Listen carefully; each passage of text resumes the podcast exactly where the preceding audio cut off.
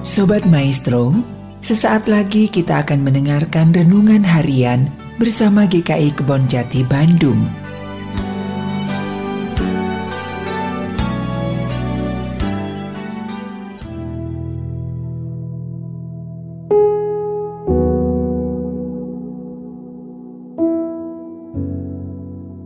Shalom Bapak Ibu dan Saudara yang dikasih oleh Tuhan Yesus. Berjumpa lagi kita dalam program Renungan Harian GKI Kebon Jati bersama saya Frida. Semoga hari ini kita dalam keadaan baik, sukacita, dan penuh rasa syukur.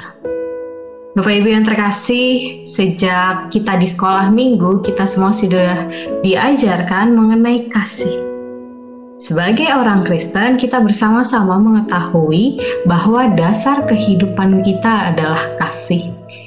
Dan yang paling penting adalah Allah kita adalah kasih itu sendiri.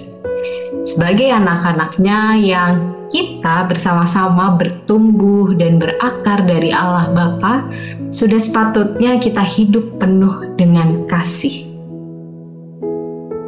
Saudara yang dikasih oleh Tuhan Yesus, banyak kisah di dalam Alkitab yang senantiasa mengingatkan kita bahwa memiliki kasih di dalam kehidupan kita merupakan hal yang penting. Seperti di dalam kisah di salah satu jemaat di Alkitab, jemaat Korintus. Korintus merupakan suatu kota yang berada di di negara Yunani Korintus pada saat itu merupakan kota yang sangat maju, dapat dikatakan seperti kota metropolis masa kini. Korintus merupakan kota yang berkembang, baik secara intelektual maupun secara finansial. Kota yang sangat mapan dan bisa jadi kota yang didambakan untuk menjadi tempat tinggal. Mungkin kalau kita andaikan saat ini seperti kota Jakarta Jauh dari penjelasan yang sangat megah tentang Korintus, di baliknya ternyata terdapat berbagai macam dosa yang tersebar di mana-mana di kota ini yang dilakukan oleh jemaat yang ada di Korintus, orang-orang yang ada di Korintus. Korintus pada saat itu terkenal dengan perpecahan, perzinahan, saling menuntut terhadap sesama, dan masih banyak kejahatan-kejahatan yang lain. Di dalam kehidupan spiritualitas, mereka mementingkan tentang bermacam-macam karunia yang mereka miliki. Tentu keadaan ini membuat banyak pihak bersedih, tidak hanya Rasul Paulus, dan para pengikut Kristus yang lainnya.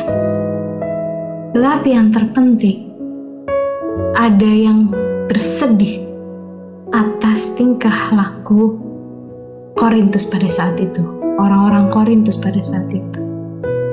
Tentu Yesus Kristus sendiri memiliki kehidupan spiritualitas yang baik, tidak selalu terpaku pada karunia-karunia roh yang dimiliki saja.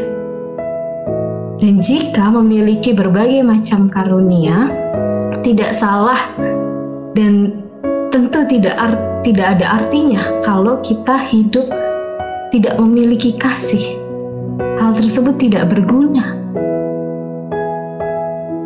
Dalam Bacaan kita pada hari ini 1 Korintus 13 secara keseluruhan dan poin utamanya di ayat 13 banyak sekali diajarkan atau dijabarkan mengenai kasih itu sendiri. Dan pada akhir perikop kita diingatkan poin tentang kehidupan spiritualitas kita yakni demikianlah ketiga hal ini yaitu iman, pengharapan, dan kasih. Dan yang paling besar di antaranya ialah kasih.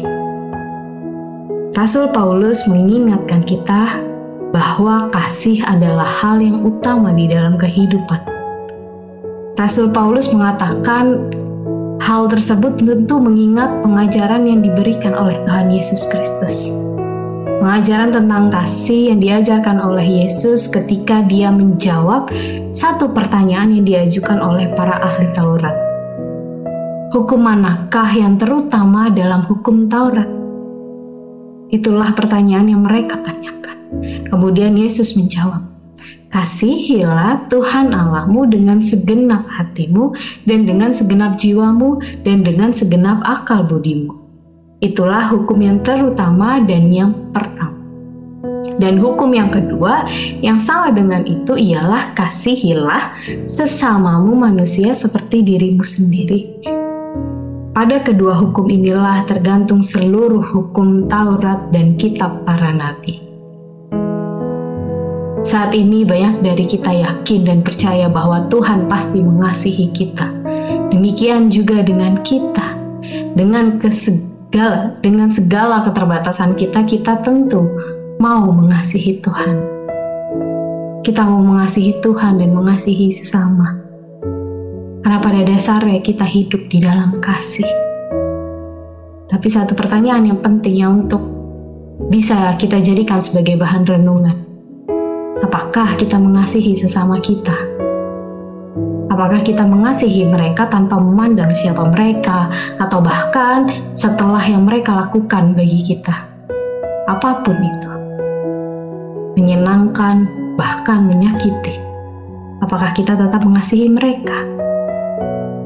Bapak Ibu yang terkasih, kalender Paskah kita hari ini mengajak kita untuk mengatakan Tuhan mengasihi kepada setiap orang. Biarlah aksi yang mau kita lakukan pada hari ini mau mengingatkan kita bahwa Tuhan mengasihi kamu, saya, dan kita semua. Tuhan mengasihi kita semua. Demikian juga saya, demikian juga Bapak, Ibu, dan Saudara yang di rumah. Kita mengasihi sesama kita. Mari kita berbagi pesan ini kepada siapa saja dan menyebarkan pesan positif ini untuk mengawali hari yang baik ini. Selamat beraktivitas, Tuhan Yesus memberkati kita semua. Amin.